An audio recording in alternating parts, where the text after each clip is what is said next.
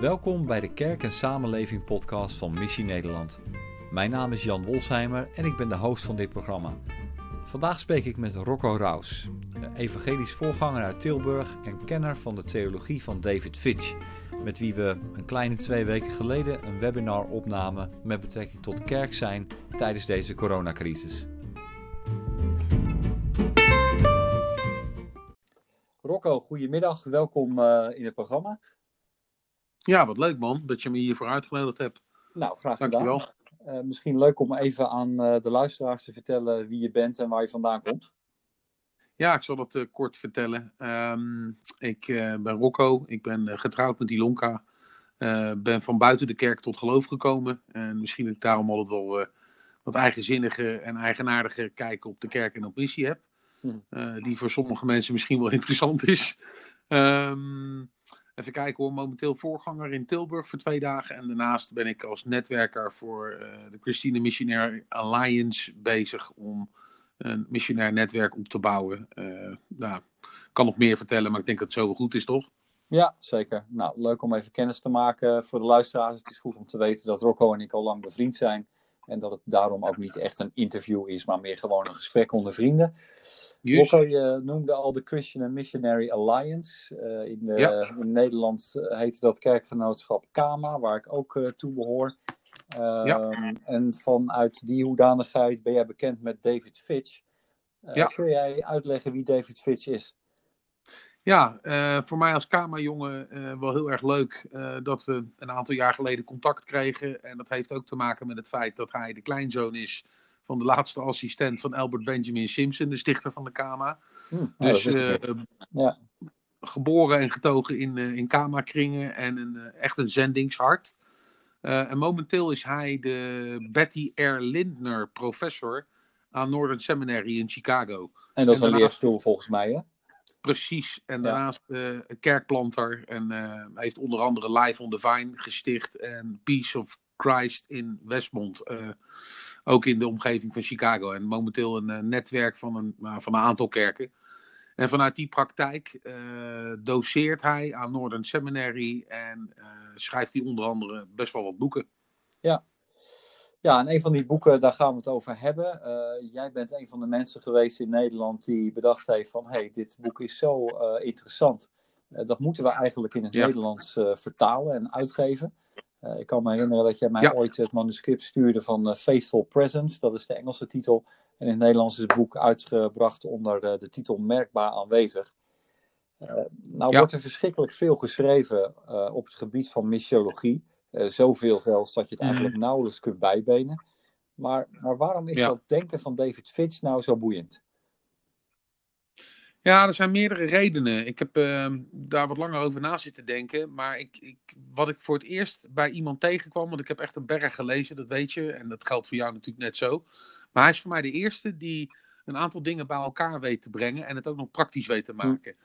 Uh, de dingen die hij bij elkaar brengt, noemen ze in de missiologie de missio Dei, dus de missie van God in de wereld, zeg maar. Ja. En de incarnatie, uh, met een moeilijk woord. Oftewel de, de vleeswording. En um, hij redeneert, zeg maar, vanuit uh, het begrip presence, oftewel aanwezigheid, zoals we dat vertaald hebben. Het is een rotwoord om te vertalen, maar wat hij doet is, zeg maar, helder maken dat de aanwezigheid van God het centrale thema is, zeg maar, in de Bijbel. En dat God met een volk op weg wil om zijn aanwezigheid in de wereld bekend te maken. En zichtbaar en merkbaar. Nou ja, dat. En dat uh, maakt hij op een uh, hele leuke, praktische manier, ook door middel van uh, verhalen en een beleefde realiteit, duidelijk. Ja, ja. Want, want ehm, waarom is dat voor hem zo belangrijk, die aanwezigheid van God in de wereld? Want ik bedoel, laten we zeggen, is God dan niet aanwezig in de kerk? Of hoe verhouden die twee zich tot elkaar? Ja, dat is een goede vraag. Um, ja, kijk, weet je, het is, Tozer zei al dat uh, God omnipresent is, oftewel overal aanwezig. Alleen in de kerk wordt zijn aanwezigheid manifest, oftewel tastbaar en een realiteit. En het knappe van wat Fitch doet, is uh, de kerk weer volledig op het uh, netvlies zetten. He, we komen een beetje weg in de missiologie van we sturen zendelingen naar de andere kant van de wereld. En de kerk is er vooral zeg maar, als een broedplaats voor die zendelingen en ook voor een achterban. Maar met het veranderen van het Westen naar een zendingsveld zelf, is het zo dat uh, de kerk ineens weer een hele prominente plaats inneemt. En Fitch uh, beschrijft dat als de plek waar we leren om de aanwezigheid van God te onderscheiden. En een bepaalde houding aan te leren, die van belang is voor ons getuigenis op de plekken waar we met missie te maken krijgen. En dat kan net zo goed onze achtertuin ja. zijn. Maar de missie van God is net zo goed ook de kerk waar we worden gevormd, zeg maar. Ja, want wat ik zo boeiend vond aan zijn boek, ik heb het denk ik uh, twee of drie keer gelezen, uh, mm. was dat ik eigenlijk merkte dat er heel veel ontspanning in zit. Terwijl in de eerdere vormen van missie, ja. uh, waar ik veel studie van maakte, was het toch vooral heel veel doenerigheid en heigerigheid. Ja, ja, het gaat veel meer uit van het, uh, van het zijn in plaats van het doen. En uh, het zijn is de basis voor het doen, ja. zeg maar. Het met zijn ook. Hè? Het, het, komt dadelijk ook in die disciplines uh, die we dadelijk ook bespreken met elkaar naar voren. Dat draait allemaal om het zijn. En, en weet je, het zit ook opgesloten in dat woord presence natuurlijk. Hè? Je bent ergens present. Je doet niet present. Nee, je bent present. En zo is God ook. En hij is present en beschikbaar. En hij nodigt ons eigenlijk uit in zijn leven om uh, daardoorheen zijn aanwezigheid ook zichtbaar te maken. Ja, ja, ja. En, en hij heeft in zijn boek uh, zeven disciplines beschreven, uh, zeven spiritual practices, uh, die de kerk ja. ja. vorm geven, als het ware, of vorm kan geven in haar eigen omgeving. Waarbij Jezus ja. heeft beloofd dat hij daar aanwezig is. Kun je, kun je daar iets over zeggen, over die disciplines? Ja, dat is precies wat het is, eh, Jan. Je slaat de spijker op zijn kop. Als je die zeven disciplines zou moeten destilleren, dan uh, zegt hij daar zelf eigenlijk altijd over dat het uh, iets is wat de kerk al 2000 jaar doet. Dus het is geen nieuw kunstje. Ja. Um, dus dat is ook wel iets wat ontspannend is. Hè. Het is niet weer het volgende nieuwe ding wat we met elkaar moeten doen, waar we heel hard achteraan moeten hollen of zo. Um, maar weet je, het is, ik denk dat de kerk in het Westen de vormingsprocessen, en met name de geestelijke vormingsprocessen, een beetje uit het oog zijn verloren. He, we, we komen denk ik weg van, van catechese waar we heel veel met ons hoofd bezig zijn. Stampen van bijbelteksten en dat soort zaken. Ik chargeer natuurlijk een klein mm. beetje. Uh, maar waar, waar hij heel erg zeg maar, op inzet, is juist de aanwezigheid van Christus in de vormingsprocessen. In die, wat hij noemt, disciplines. Mm. En die zeven, die, die zijn de volgende. Uh, misschien is het goed om dadelijk daar even naar te kijken. Maar de eerste is de tafel. De tweede is verzoening. Ja, de tafel, leg eens uit. De, de, nou, de tafel, uh, de tafel is, is breder als bijvoorbeeld alleen het vieren van het avondmaal. Wat we vaak in onze evangelische kerken, zeg maar, ervan gemaakt hebben. Hè. We komen op zondag, uh, één keer in de vier weken komen we dan bij elkaar. En dan vieren we avondmaal. En dat avondmaal dat is dan vaak in de programmering een soort van bijproduct. Want we uh, hebben dan een hele volle liturgie. Ik weet niet of je dat kent, maar ik heb dat vaak gezien. En dan ineens, oh ja, we moeten ook nog avondmaal ja, vieren. dat ken ik helemaal. Nou, en, en wat hij doet met het inzetten op de tafel, is um, de tafel weer de centrale plaats geven die het in de, bijvoorbeeld de vroege kerk had. Dit is de plaats waar we de aanwezigheid van Christus leren onderscheiden en waar we een houding aanleren om uh, dat vervolgens ook aan de andere tafels te doen waar we ook deelnemen. Bijvoorbeeld als je met elkaar, met je gezin aan tafel zit en eet. Uh, het bidden voor de maaltijd komt daar bijvoorbeeld vandaan. Maar het breken van brood uh, en, en, dat soort dingen kun je eigenlijk overal ja. doen. En de dynamiek van de tafel, zoals hij hem beschrijft, maakt dat je iedere maaltijd uh, Christus weer present kan stellen. En van die aanwezigheid kan genieten. Of je dat nou in de kerk doet, of dat je dat vanuit je huis doet, of dat je dat doet op de plaatsen waar je naartoe gaat, waar mensen samenkomen rondom een maaltijd. Ja. Ja. En dat is denk ik wel het hele unieke ja. daarvan. Ja, precies. Hè? Dus nou ja, voordat we daarop verder gaan, want dan, dan gaat het over drie uh, sferen, hè, of drie cirkels, zoals dat ja. in zijn, uh, zijn boek beschreven staat. Cirkels van invloed of cirkels van aanwezigheid. En dat begint in het hart ja. van de kerk en stroomt als het ware uit die kerk de samenleving in. Het is een hele boeiende gedachte. Ja. Hey, dus de tafel van de Heer, dat is dan de eerste, zeg maar. Wat zijn de andere disciplines? Ja, Ja, daar komen ze. Uh, de tweede is verzoening. Hè? Dat is de, de, de basis waar ons geloof op gebouwd is. En hoe maak je daar nou een praktijk van in plaats van alleen een leerstelling? Um, dat is een belangrijke vraag in deze discipline. De volgende is verkondiging. En, en wat heeft verkondiging nou te betekenen? Is het bijvoorbeeld alleen de preek? Hè? Wordt daarin het evangelie verkondigd? Of is het de persoon die op een zeepkist staat om daar uh, het evangelie uit te leggen? Of is het een, iets anders en heeft het te maken met een dynamiek? En dat laatste is waar hij uh, op aanhaakt. En, en verkondiging trekt eigenlijk het hele leven door, net zoals al die andere disciplines. Zonder dat je nu zeg maar van bovenaf gaat zitten roeptoeteren in de zin van ik vind uh, dat God dit zegt over jou en jouw leven. Nee, het heeft meer te maken met het presentstellen van het evangelie, waar het het leven van de ander raakt. Um, en, en dat vind ik wel heel knap. Dus hij haalt het eigenlijk weg uit de, uit de boksen die wij ervan gemaakt hebben, in ons verstaan van kerk ook. En legt het weer terug in de, in, nou ja, in mijn ogen, in wat het volgens de schrift betekent en hoe het werkt.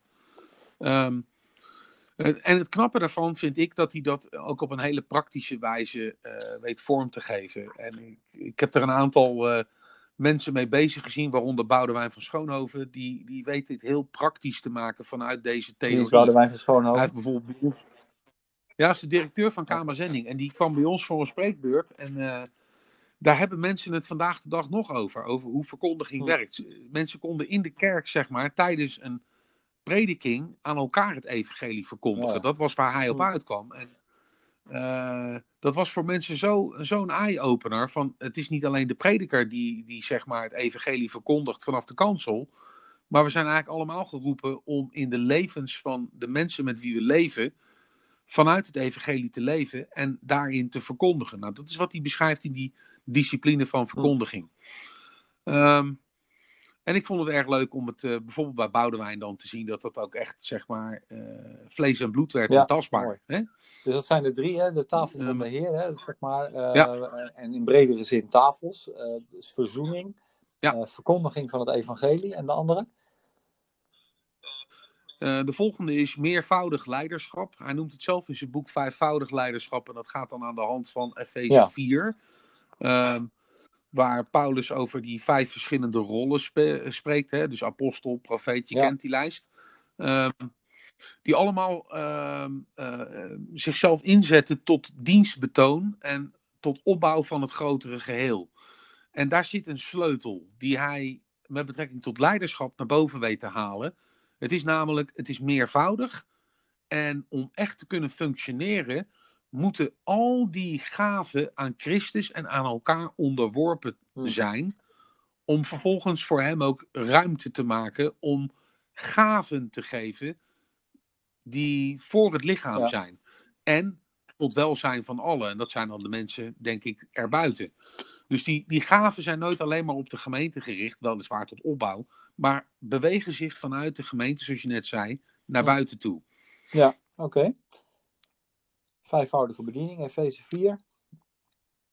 Ja. En dan heb je nog een, uh, een paar praktische. En uh, die bouwen voort op aanwezigheid. En de eerste is het zijn met de minste. En um, uh, de vroege kerk, die geloofde dat daar waar zij zeg maar voor de armen zorgden, dat Christus daar aanwezig was present was. Dat op het moment, hè, vanuit Matthäus 25, alles wat je voor de minste van je broeders hebt gedaan, dat heb je voor mij gedaan. Dus zij uh, gingen ervan uit dat ze Christus daarin zouden kunnen ontmoeten. En dat Christus daarin ook, zeg maar, zichzelf aan hem bekend zou maken. Zowel aan die armen, maar net zo goed aan degene die bedient. Um, en dat er dus wederkerige relaties ontstaan in plaats van afhankelijkheidsrelaties. Dat, dat vond ik in het beschrijven van deze discipline uh, wel het mooiste. Want heel vaak willen we, denk ik, vanuit de kerk dingen doen voor hmm. anderen. Maar de vraag die hij terecht stelt, voor wie doe je het dan echt? Doe je het dan uh, voor Christus of doe je het voor die armen die je vindt dat je moet helpen? Of wil je met die betreffende persoon ook echt een verwantschapsrelatie aangaan? Ja, ja. op basis van gelijkwaardigheid ook. Hè. Dat vind ik, uh, ik vind Exact, dit een van ja. de meest aansprekende, omdat ik zelf die ervaring had in een Amsterdamse setting. Waarbij ik uh, meewerkte in een buurtcentrum waar dit eigenlijk ontstond. Uh, je noemde dat asset-based community development. Hè. Dus je keek naar me wat mensen wel hadden. Ja. En niet alleen maar dat ze ziek waren of een heleboel dingen niet konden. En ik zag daar mensen Nee. veranderen zonder dat we er iets aan deden. Dus ik heb, ik heb echt het gevoel dat Mhm. solidariteit een stukje waardigheid teruggeeft aan mensen die God in hen gelegd heeft. En dat, uh, ik vond Ja. deze echt uh, een ontzettende eye-opener inderdaad. Ja.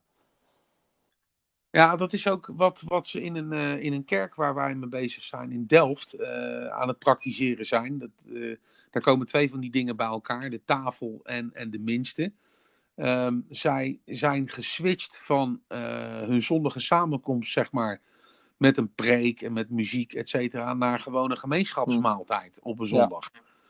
En uh, ze vonden dat aan het begin heel spannend, want met name de mensen aan de rand van de kerk en ook uh, als je gewend bent om allemaal dingen te organiseren, komt er dan wel genoeg? Hebben we genoeg te eten? Ja. Uh, en God kwam op een ja, bijzondere wijze langs zij, want het waren juist de mensen die aan de rand van de gemeente stonden, die allemaal ineens zichzelf in gingen zetten. Zoals Dave ook in dat boek beschrijft.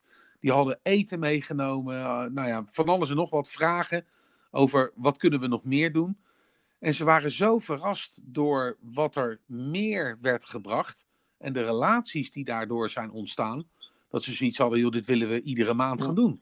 En um, je ziet dus ook mensen die, die voorheen aan de rand stonden, echt naar binnen bewegen en ook echt um, op basis van, van zo'n wederkerigheidsrelatie ja. zichzelf ineens gezien uh, uh, weten. En ook graag mee willen doen. En dat is echt, echt heel gaaf om dat van dichtbij te en, mogen En ook zien. fascinerend, hè? want hij maakt in zijn boek ook wel een Ja. groot punt uh, over het probleem van uh, dat binnen- en buitendenken wat kerken soms hebben. Hè? Van wij zijn de kerk, de anderen zijn Ja. buiten. Uh, wij moeten iets voor, de kerk, Ja. voor die anderen doen. Er zit ongelijkwaardigheid in. En, en, juist in dit punt vind ik, laat hij heel duidelijk zien hoe iedereen binnen het koninkrijk eigenlijk al snel mee kan gaan doen. Ja, ja. Ja, en dat geldt voor die volgende discipline natuurlijk ook. Hè? Dat, dat zijn ook mensen waar we natuurlijkerwijs, zeg maar, ja, dat klinkt misschien uh, vervelend, misschien zijn die luisteraars uh, veel heiliger als dat ik ben, maar waar we natuurlijkerwijs op neerkijken. Hè? Dat, dat is met minsten zo en dat is eigenlijk met kinderen ook ja, zo. de discipline van het zijn met Uh, de kinderen. Ja. ja. Precies. En uh, ja, dat was voor mij ook wel een, een eye-opener op, op, op heel veel vlakken. Dat, dat, dat Christus ook zeg maar daar aanwezig is als je dus met kinderen bezig bent. En je dus zeg maar naar het niveau van een kind gaat. Wat ik ja, praktisch gezien hier thuis heel makkelijk doe. Maar op het moment dat ik mijn, uh, mijn heilige pet op heb, zeg maar, dan ineens kijk ik op ze neer. Dat is heel Mm. bizar. Ik weet, ik weet niet precies hoe dat voor een ander werkt. Maar, Hoe bedoel je? Je Eh, kijkt op ze neer? dan zijn het maar de kinderen. Nou, weet Dan zijn het maar kinderen, zijn bedoel je? de kinderen die- Nee, eh, ja, dat is wel lachen, maar nee. Het heeft meer te maken met het feit dat bijvoorbeeld in een samenkomst waarin je gewend bent dat alles netjes georganiseerd is, dat die kinderen dan daarin rondlopen, Oh ja, dat ja. ze spelen, dat ze dit, dat Hm. ze dat. Dat is wat Ja, ik bedoel. Van, joh, ga alsjeblieft naar je eigen samenkomst en klaar. En hij schrijft, hij schrijft in, zijn, eh, in zijn boek hoe zij daar zeg maar, eh, in hun kerk mee om zijn gegaan. Dat iedereen zeg maar, eh, met de kinderen moest leren zijn. Om daarin ook zeg maar, dingen van Christus te leren. En dat vind ik echt fascinerend. En een leuke tijd met kinderen kan ook gewoon iets heel erg. ehm, ja, hoe moet ik dat nou zeggen? Ehm geestvervulds en iets missionairs zijn. Terwijl het tegelijkertijd ook gewoon Ja. leuk is. ja, zeker. Ja.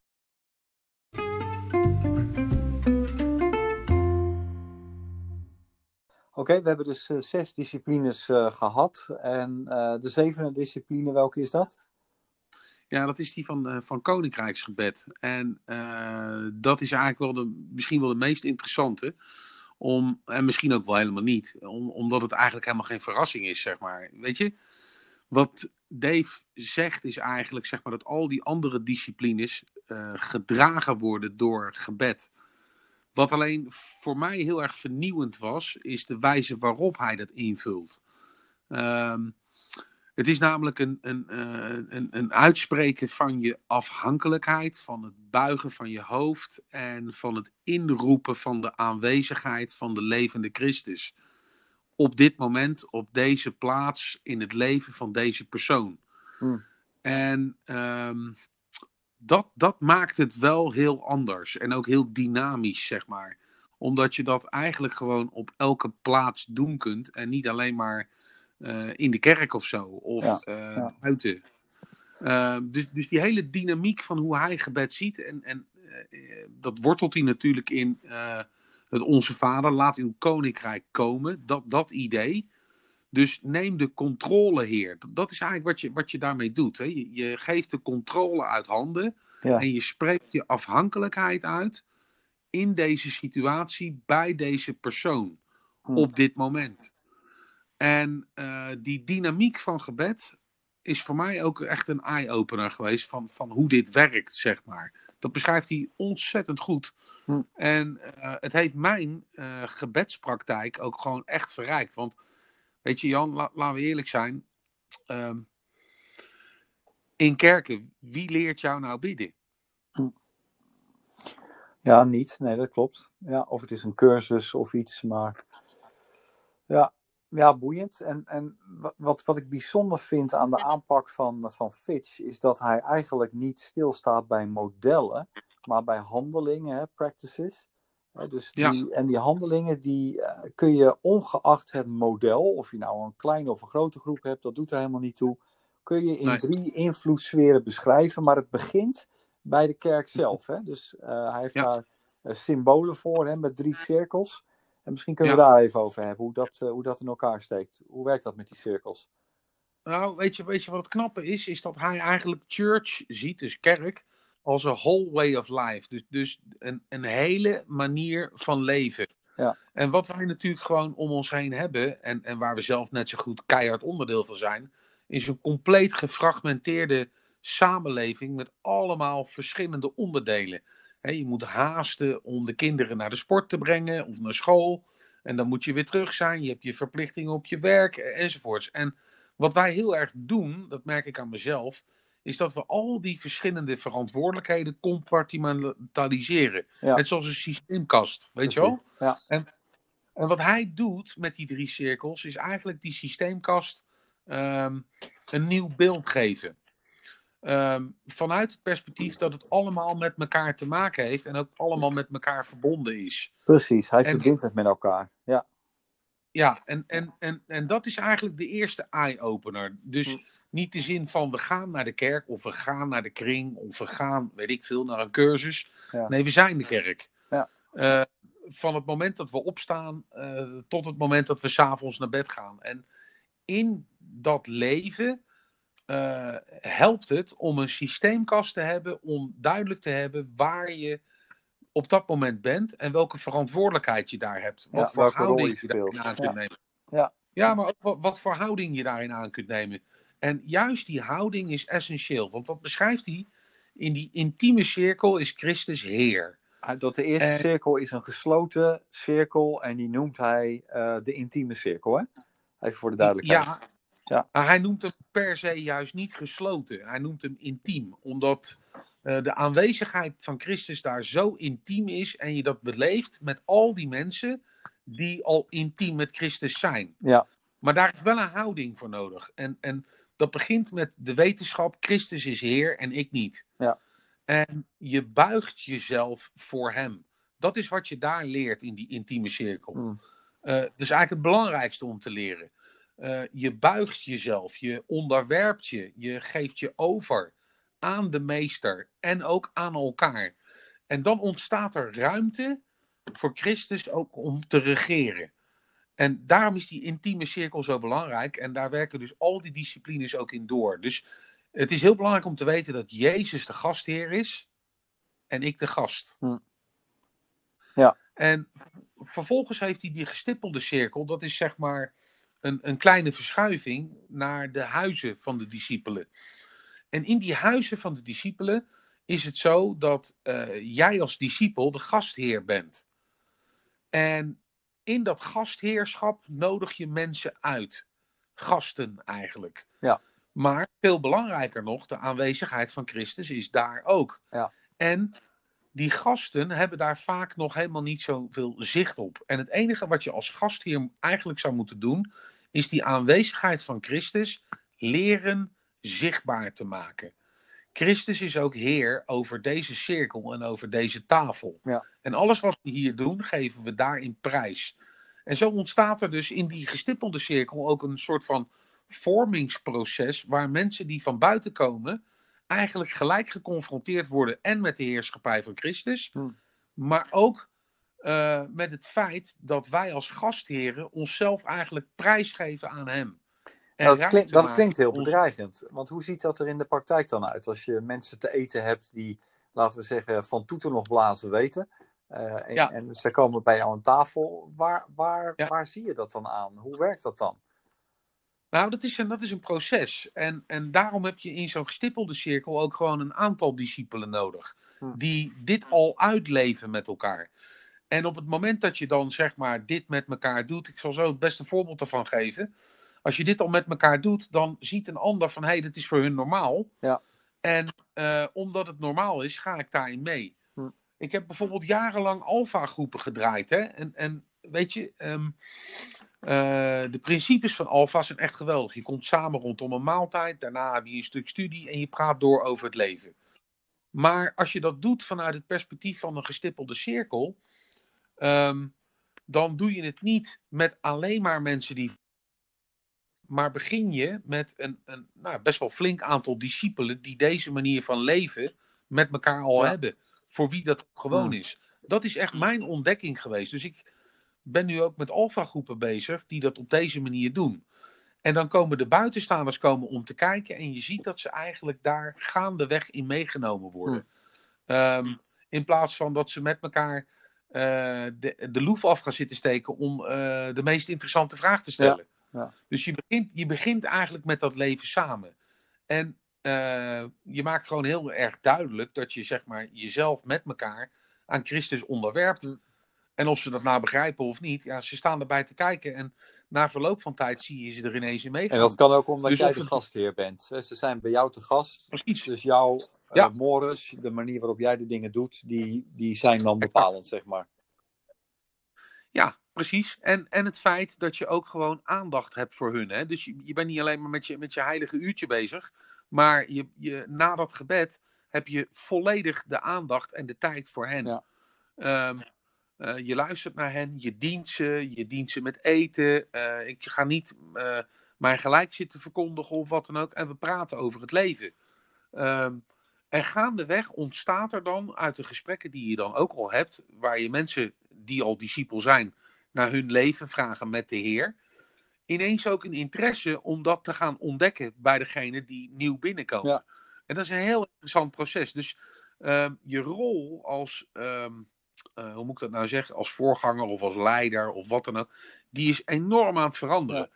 En je moet dus vooral ook kijken naar hoe de geest van de Heer, of hoe de Heer zelf, door zijn aanwezigheid aan het werk is in de levens van eigenlijk al die mensen. Ja. Dus het is meer Eh, luisteren dan preken. Absoluut. kijken. Ja. Ja. Ja, en dan, dan heb je nog de, ehm, de half open cirkel, zoals we die beschreven hebben. En, en dat vond ik ook wel heel erg leuk. Hè? Toen ik met hem kennis maakte, eh, legden we contact via Facebook. En toen vertelde hij mij dat hij in de McDonald's zat. Ik wist niet wat ik hoorde. Nee. Ik denk, wat, wat zit hij daar nou te doen dan? Ik denk, eh, ik, ik ben gewend, ik, ik eh, ga daar met mijn kinderen naartoe. Maar ik wil er zo gauw mogelijk weer Ja, weg. precies. Want voor het, e- voor, het, e- voor het eten hoef je er niet te zijn, zeg maar. En, en de, ko- de koffie was toen de tijd ook nog eh, heel slecht. Ja. Tegenwoordig hebben ze allemaal die prachtige eh, machines daar staan, maar dat was toen niet. Kreeg je van die vieze, vieze waterbakjes, je kent het Ja. wel. Ehm, nou ja, eh, in elk geval, hij zat daar en hij zat daar dus gewoon de hele dag. En hij ging daar gewoon zitten werken en was daar present. En ehm, dat doet hij dus niet alleen, maar dat doet hij dus ook met een paar mensen. Daar gewoon in die McDonald's, één keer in de week, ging hij aanwezig zijn. Tegenwoordig gaat hij naar een bar, Potbelly Bar. In elk geval ergens waar mensen samenkomen. En daar is hij present en beschikbaar. En ook betrouwbaar, want hij zit daar dus gewoon elke week Ja. met die gasten. Hmm. Voor een biertje en een schaaltje pinda's. Ja, Weet je? ja. Dus, ehm, En, en wat hij dan beschrijft, eh, wat er gebeurt in die cirkel, is dat hij dus met mensen in contact komt met wie hij normaal gesproken nooit in contact zou komen. En uh, daar gaat hij dus een soort van wederkerigheidsrelatie mee aan, een vriendschapsrelatie zou je het misschien beter kunnen noemen. Hij biedt in elk geval zijn vriendschap aan. En van daaruit uh, is ineens zichtbaar dat Christus ook daar aan het werk is. Nou, en, en wat hij doet, is, is van tevoren dus ook gewoon wat hij noemt de epiclesis bidden. Oftewel een gebed om de aanwezigheid van Christus. Hmm. Voordat hij daar naar binnen gaat en voordat hij daarmee begint. Ja. En wat hij doet, is zichzelf daarop richten. Heer, hoe bent u hier aan het werk? Hmm. In de persoon die tegenover mij komt zitten. Uh, met de meest uh, ja, fantastische theorieën over uh, nou ja, de, de, wereld en over Hmm. Uh, dat soort dingen. Maar ook mensen die hun baan kwijt zijn of uh, nou ja, niet te eten hebben. Er komen allemaal van die voorbeelden langs in dat boek, en er zijn er vast veel meer, die mij enorm geïnspireerd hebben om ja, dit op eenzelfde manier te gaan doen met een paar mensen. Ja. En dat is echt heel erg leuk. En iedereen kan het. Hè? Ik bedoel, het, het is niet een kunstje. Ja. Je hoeft er geen diploma voor te Nee. halen. Uh, je leeft vanuit Nee. een diepe nieuwe werkelijkheid dat, uh, dat God aanwezig wil zijn in deze wereld. Uh, en dat, Ja. dat, dat, nou ja, dat het belangrijk is om daar getuige van te zijn en daar je plek in te nemen. Ja. Ja, dat is echt uh, fascinerend. Ja, en je, en je vraagt natuurlijk in zo'n gebed om, om, om je ogen en oren te openen Ja. voor wat de Heer daar aan het doen is. En in de persoon of in de situatie waarin ze zitten. Dus je wordt heel erg afhankelijk. Je komt daar ook als gast binnen. Dat is misschien wel belangrijk om even te Ja, melden. Je komt er niet als, als gastheer. Ik heb daar niks te vertellen in die McDonald's. nee. Of, of, in die, eh, of in die bar, of in dat wijkcentrum, of weet ik veel wat. Nee, ik, ik kom met geopende handen. Nou, heer, vult u ze maar. Ja.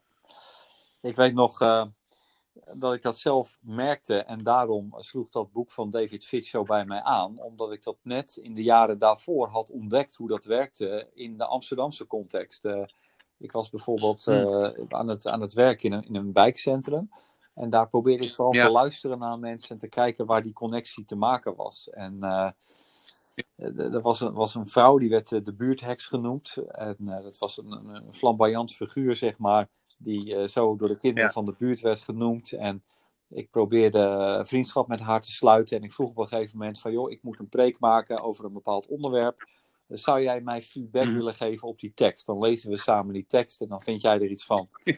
En dat was, dat was fantastisch, want uh, ik sprak toen over de man met uh, de vergroeide hand, die Jezus uh, geneest. Oh ja. En nou ja, zij las natuurlijk met hele nieuwe ogen die woorden, die voor mij over en over bekend waren. En gaf mij Ja. ongezouten feedback ook. Maar het allermooiste vond ik dat zij aan het einde van het gesprek haar handen uitstrekte, die niet open konden. En ze zei tegen me, maar ik heb ook vergroeide handen. En toen vertelde ze het verhaal wow. van haar leven en, en hoe zij door de spanning en de stress in haar bestaan eigenlijk uh, vergroeide handen had gekregen. En mensen eigenlijk alleen maar een box kon geven in plaats van een hand. En, en dat was echt het moment dat ik echt besefte. En dat verhaal wordt natuurlijk nooit meer hetzelfde voor mij. Maar dat ik besefte dat, dat God daar al lang bezig was, ver voor mij. En dat mijn enige Ja. taak was om daar ook gewoon aanwezig te zijn. Uh, telkens wanneer ik Ja. dat uh, had afgesproken met die mensen. Hè, dus dus Ja. laten we zeggen, de, de missionaire inspanning die ik al die jaren daarvoor had, die was ik helemaal kwijt. Ik, ik vond het niks zo relaxed als op die manier uh, het evangelie uitleven. Nou, in dit geval in een buurtcentrum. Mhm. En het mooie vind ik inderdaad van die cirkels ook. Hè, dus de gesloten cirkel, daar ben ik te gast bij God. Uh, in de uh, Ja. Nou, ja, je intieme cirkel, hij is niet gesloten per se. Uh, de gestippelde cirkel, Mhm. daar ben ik de gastheer voor, de, voor mijn buren, dus vanuit mijn huis. Ja. En Ja. in, de, in de half open cirkel, daar ben ik te gast bij de mensen nou die God misschien nog niet kennen, maar waar God al wel in, in dat leven aan het werk is. Ja. En dat, ik vind die doorgaande lijn en dat verbinden van al die compartimenten waar ik net over had, vind ik echt fascinerend bij Fitch. Omdat hij uh, een handreiking Hmm. doet aan al die mensen in kerken die zo verschrikkelijk worstelen met hun geestelijk leven op zondag en in de kring. En waar ze allemaal mooie en goede Ja. dingen doen. Maar dat nauwelijks handen en voeten weten te geven thuis in de straat, in de wijk. of op hun werk of in de kroeg of op de voetbalclub.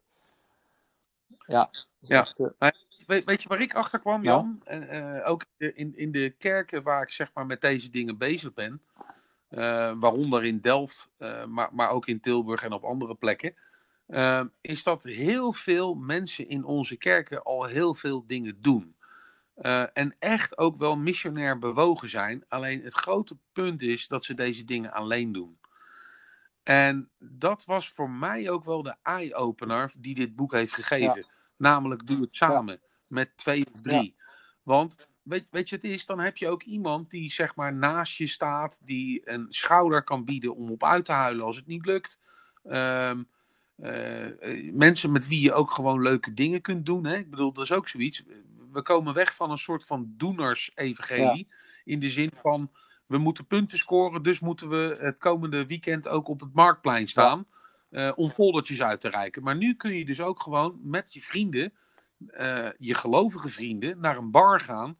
Daar een schaaltje nootjes hebben. En, en wie geen alcohol drinkt, laat die alsjeblieft cola drinken. Maar uh, de andere een biertje. met een paar bitterballen of weet ik veel wat. En, en daar gewoon ook gewoon gezellig aanwezig zijn en vriendschappen aanbieden aan de mensen die daar al zijn. En dat kun je dus gewoon op een wekelijkse basis doen. Dus het, het is ook nog eens heel ontspannend, zeg maar, um, voor de mensen met wie je dit doet. En omdat het leuk is, kun je elkaar ook nog eens bemoedigen van, joh, laten we nog eens samen naar die, uh, nou weet ik veel, naar die uh, poolgelegenheid gaan of zo. Een potje pool gaan schieten of, weet ik veel, gaan bolen of... Dus, maar het punt is vooral dat je daarin faithful present moet zijn. Oftewel faithful in de zin van um, betrouwbaar. Dus je moet het niet zomaar eens in de uh, één keer doen en daarna een hele tijd niet. Maar gewoon een, een vaste periode. Dat je ook echt op die plek voor die mensen zichtbaar kunt worden. In hoe je leeft en hoe je dat met elkaar doet. En, en niet te veel dingen doen. Dus niet vooral met jezelf bezig zijn. Maar ook echt jezelf richten op wat is God hier op deze plaats met deze mensen in hun situaties aan het doen? En wie brengt Precies, God dan bij ons? Ja. ja, dus het is ontspannen en uh, veelbelovend tegelijk. Want uh, ja, je ziet dingen gebeuren, uh, die heb jij niet bewerkstelligd. En tegelijkertijd maak je wel onderdeel uit van dat geheel. dus dat werken van de geest van God en de aanwezigheid van God en je eigen aanwezigheid ook in die situatie. Ja, en, en, en dat is ook wat. Fitz natuurlijk, uh, het onderliggende denken is natuurlijk dat Gods aanwezigheid het verschil maakte. En niet per se jou en mijn uh, evangelische versiertruc, zeg maar. maar. Maar dat de aanwezigheid van God zelf mensen verandert. En dat wij uh, mensen binnen die aanwezigheid van God mogen brengen door gewoon zelf ons leven op die manier te leiden. Ja, exact. En, en daarin is hij zelf ook een voorbeeld. Hè? En daar kan ik echt van getuigen. Ik heb twee weken met hem opgetrokken hier. Uh, rondom die conferentie met Missie Nu. Maar ook de eerste keer om dat zeg maar een beetje in kannen en kruiken te krijgen. Toen hadden we een soort van preferred meeting hmm. bij Kama Zending. Dus er werden allerlei, uh, uh, sorry jongens voor wie luisteren en zich aangevallen voelen, dat bedoel ik niet zo. Christelijke hotenmethoden uitgenodigd. de, de mensen die daar ook wat mee zouden kunnen of die dat interessant zouden vinden. En die waren er allemaal. En ze zaten daar allemaal te wachten. Er kwam nog eens bij dat hij ook te laat was. Lang verhaal. Uiteindelijk kwam hij binnen en wat doet hij? Hij gaat niet staan, zoals de professor die het hm. jullie wel even gaat vertellen. Nee, hij ging zitten. En, en wat hij vroeg was, was fenomenaal. Hij, hij werd eerst stil. En toen zegt hij, hm. how can I serve you? Mhm. die, die, gezicht, die gezichten... Ehm, die waren. Hij, nou ja, hij, hij draaide de, de, hele boel op zijn kop. Hij ging zelf zitten en nam de houding hm. van een gast aan. In plaats van. Ik zal het jullie wel even van bovenaf professor vertellen. en die weet alles en die heeft er boeken over geschreven. Nee, dat is inderdaad uh, prachtig in zijn karakter. Daarom uh, vind ik het ook zo geweldig om hem ook te horen en te zien spreken. En hem te ontmoeten, omdat uh, hij. het is niet alleen maar voor hem een stukje theorie, hij leeft het ook echt. En, en daar word ik heel blij van. Ja. Uh, laten we voor deze keer uh, uh, naar een einde toe werken. dus uh, Fitch zegt, Gods aanwezigheid is mhm. bepalend. Hij verandert mensen, hij heeft jou veranderd, hij wil ook anderen veranderen. Er zijn zeven disciplines waar, waar je in elk geval van kunt zeggen, daar heeft Jezus belofte aan gekoppeld. Er zijn er meer, zegt hij ook, maar laten we maar eens beginnen met die zeven. De tafel van de Heer, verzoening, verkondiging van het evangelie, zijn met de kinderen, zijn met de minsten, de vijfvoudige bediening, daar zou ik graag ook nog eens over door willen praten, en de discipline van het koninkrijksgebed. Ja. En die, al die disciplines, mhm. die stromen over vanuit uh, intiem naar de marktplaats, om het zo maar even simpel te zeggen, via je eigen huis.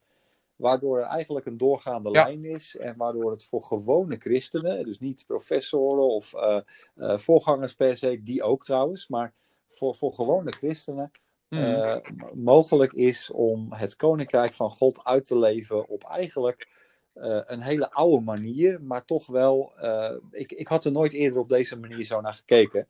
En dat heeft mij persoonlijk ontzettend geholpen ook om mm. veel holistischer te kijken naar het effect van het evangelie uh, in mijn eigen omgeving. Ja. ja. Ja, dat herken ik wel wat je zegt. Mooi. Nou. Ja, ja en, en hij is zo vormend voor me geweest ook in, in, in hoe ja. ik dingen benader. Uh, maar ook vooral mensen. Kijk, weet je, het is wat jij terecht zegt. Ik was ook zelf al met dit soort dingen bezig. En dan ineens valt zo'n ja. puzzel op zijn plek. Het is alsof zo'n puzzel in de lucht hangt, zeg maar. En als je het dan belichaamd ziet in een persoon en beschreven ziet in een boek waarin die belichaming ja. ook langskomt, dan krijg je ineens, ja, krijg nou wat man. Ik kon daar geen woorden aangeven wat ik zag gebeuren, totdat ik het boek las en dacht van, maar, maar dit is het. Eh, dit heb ik zien gebeuren. en daarom, ik, ik, ben niet per se gevallen uh, zeg maar voor de theorie aan zich, maar omdat ik die theorie zelf in de praktijk zag. En nu besefte van, hé, hey, maar dit is eigenlijk eenvoudig aan te leren of door te geven, zonder dat het een kunstje wordt of een missionaire tool. Maar ja. het moet naar een, een, een missional lifestyle, zeg maar. Zonder dat het gaat om hoeveel mensen mhm. heb jij tot geloof gebracht, enzovoort, enzovoort maar veel meer dat uitleven en, mm. en de rest is aan God. En dat is echt prachtig, vind ik.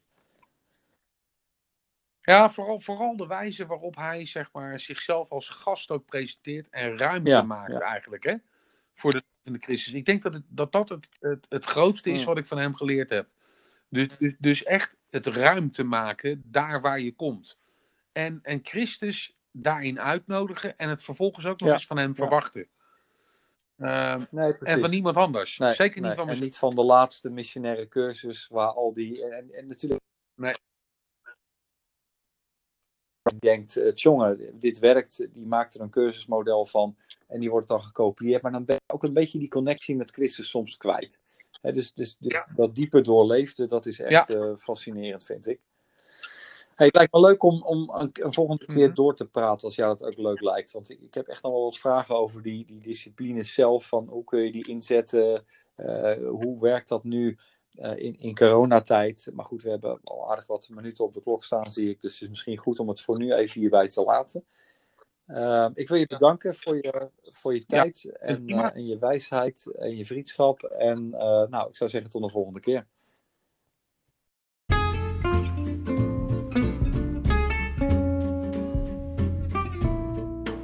Dit was hem dan, de eerste uitzending van de Kerk en Samenleving podcast. Ben je geïnteresseerd in het boek van David Fitch? Kijk dan even in de show notes. Daar staat een link naar Kama-zending waar je het boek met een paar euro korting uh, kunt bestellen. Hou ons in de gaten, uh, abonneer je op dit kanaal zodat je geen enkele uitzending mist.